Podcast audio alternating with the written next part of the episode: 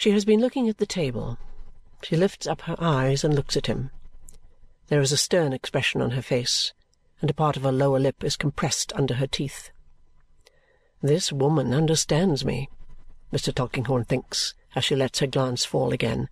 She cannot be spared. Why should she spare others? For a little while they are silent. Lady Dedlock has eaten no dinner, but has twice or thrice poured out water with a steady hand and drunk it. She rises from the table, takes a lounging chair, and reclines in it, shading her face. There is nothing in her manner to express weakness or excite compassion. It is thoughtful, gloomy, concentrated. This woman, thinks Mr. Tulkinghorn, standing on the hearth, again a dark object closing up her view, is a study. He studies her at his leisure, not speaking for a time. She too studies something at her leisure. She is not the first to speak, appearing indeed so unlikely to be so, though he stood there until midnight, that even he is driven upon breaking silence. Lady Dedlock, the most disagreeable part of this business interview remains, but it is business. Our agreement is broken. A lady of your sense and strength of character will be prepared for my now declaring it void and taking my own course. I am quite prepared. Mr. Tulkinghorn inclines his head. That is all I have to trouble you with, Lady Dedlock. She stops him as he is moving out of the room by asking, This is the notice I was to receive? I wish not to misapprehend you. Not exactly the notice you were to receive, Lady Dedlock, because the contemplated notice supposed the agreement to have been observed. But virtually the same. Virtually the same. The difference is merely in a lawyer's mind. You intend to give me no other notice? You are right. No. Do you contemplate undeceiving Sir Leicester to-night? A home question says Mr. Tulkinghorn with a slight smile and cautiously shaking his head at the shaded face. No, not to-night. To-morrow? All things considered, I had better decline answering that question, Lady Dedlock. If I were to say I don't know when exactly, you would not believe me, and it would answer no purpose. It may be to-morrow.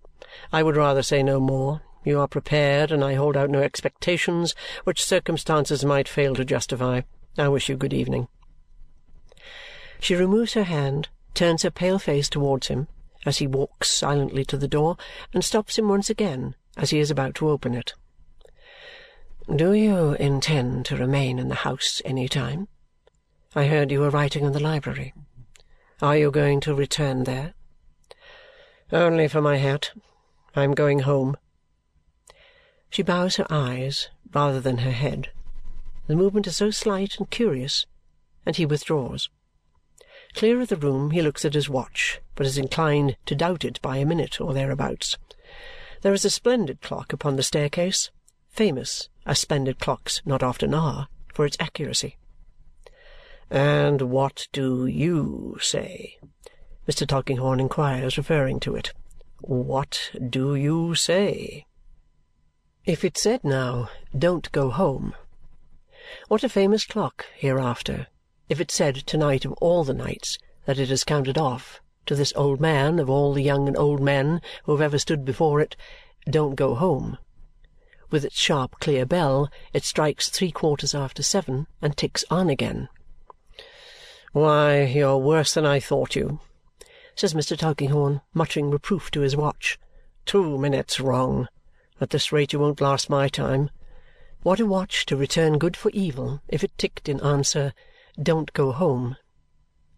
He passes out into the streets and walks on, with his hands behind him, under the shadow of the lofty houses, many of whose mysteries, difficulties, mortgages, delicate affairs of all kinds, are treasured up within his old black satin waistcoat. He is in the confidence of the very bricks and mortar.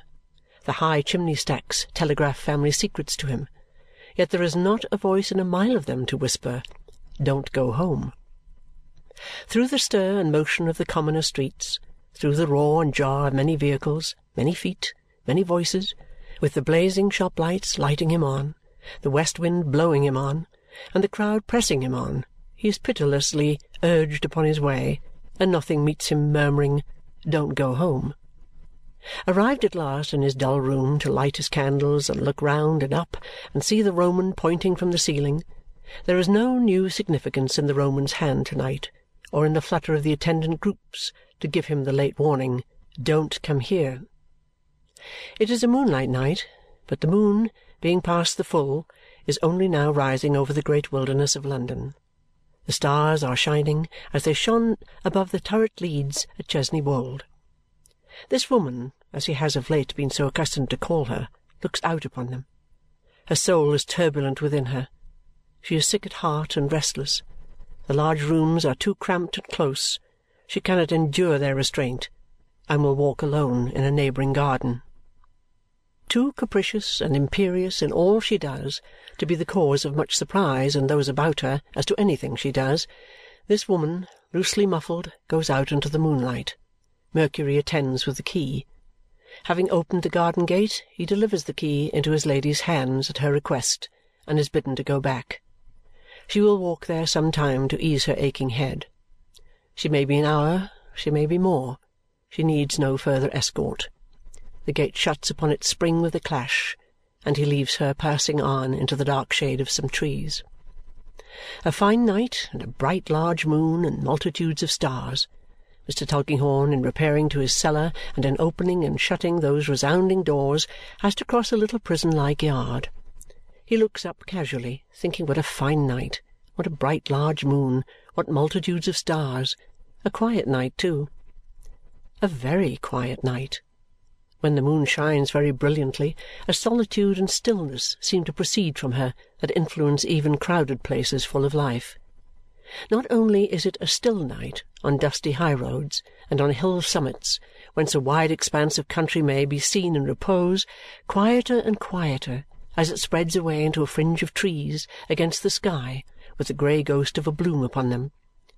Not only is it a still night in gardens and in woods and on the river where the water meadows are fresh and green and the stream sparkles on among pleasant islands, murmuring weirs, and whispering rushes, not only does the stillness attend it as it flows where houses cluster thick, where many bridges are reflected in it, where wharves and shipping make it black and awful, where it winds from these disfigurements through marshes whose grim beacons stand like skeletons washed ashore where it expands through the bolder region of rising grounds, rich in cornfield, windmill, and steeple, and where it mingles with the ever-heaving sea, not only is it a still night on the deep, and on the shore where the watcher stands to see the ship with her spread wings cross the path of light that appears to be presented to only him, but even on this stranger's wilderness of London there is some rest.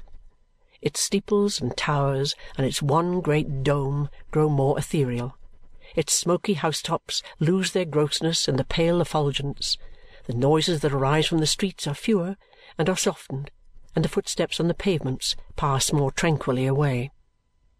In these fields of Mr. Tulkinghorn's inhabiting, where the shepherds play on chancery pipes that have no stop and keep their sheep in the fold by hook and by crook until they have shorn them exceeding close, every noise is merged, this moonlight night, into a distant ringing hum as if the city were a vast glass, vibrating. What's that? Who fired a gun or pistol? Where was it? The few foot passengers start, stop, and stare about them. Some windows and doors are opened, and people come out to look. It was a loud report, and echoed and rattled heavily. It shook one house, or so a man says, who was passing. It has aroused all the dogs in that neighbourhood, who bark vehemently. Terrified cats scamper across the road. While the dogs are yet barking and howling, there is one dog howling like a demon. The church clocks, as if they were startled too, begin to strike. The hum from the streets, likewise, seems to swell into a shout. But it is soon over. Before the last clock begins to strike ten, there is a lull. When it has ceased, the fine night, the bright large moon, and multitudes of stars are left at peace again. Has Mr. Tulkinghorn been disturbed? His windows are dark and quiet, and his door is shut. It must be something unusual indeed to bring him out of his shell. Nothing is heard of him, nothing is seen of him. What power of cannon might it take to shake that rusty old man out of his immovable composure? For many years the persistent Roman has been pointing with no particular meaning from that ceiling. It is not likely that he has any new meaning in him to-night. Once pointing, always pointing, like any Roman, or even Briton, with a single idea. There he is, no doubt, in his impossible attitude, pointing, unavailingly, all night long. Moonlight, darkness, dawn, sunrise, day. There he is still, eagerly pointing, and no one minds him. But a little after the coming of the day come people to clean the rooms, and either the Roman has some new meaning in him not expressed before, or the foremost of them goes wild, for looking up at his outstretched hand and looking down at what is below it, that person shrieks and flies. The others, looking in as the first one looked, shriek and fly too, and there is an alarm in the street. What does it mean? No light is admitted into the darkened chamber, and people unaccustomed to it enter, and treading softly but heavily, carry a weight into the bedroom and lay it down. There is whispering and wondering all day, strict search of every corner, careful tracing of steps, and careful noting of the disposition of every article of furniture. All eyes look up at the Roman, and all voices murmur, "If he could only tell what he saw!" He is pointing at a table with a bottle, nearly full of wine, and a glass upon it, and two candles that were blown out suddenly soon after being lighted. He is pointing at an empty chair and at a stain upon the ground before it that might be almost covered with a hand. These objects lie directly within his range. An excited imagination might suppose that there was something in them so terrific as to drive the rest of the composition, not only the attendant big-legged boys, but the clouds and flowers and pillars too, in short, the very body and soul of allegory and all the brains it has, stark mad. It happens surely that every one who comes into the darkened room and looks at these things looks up at the Roman, and that he is invested in all eyes with mystery and awe as if he were a paralysed dumb witness. So it shall happen, surely, through many years to come, that ghostly stories shall be told of the stain upon the floor, so easy to be covered, so hard to be got out, and that the Roman pointing from the ceiling shall point, so long as dust and damp and spiders spare him, with far greater significance than he ever had in Mr. Tulkinghorn's time, and with a deadly meaning. For Mr. Tulkinghorn's time is over for evermore, and the Roman pointed at the murderous hand uplifted against his life, and pointed helplessly at him from night to morning, lying face downward on the floor, shot through the heart.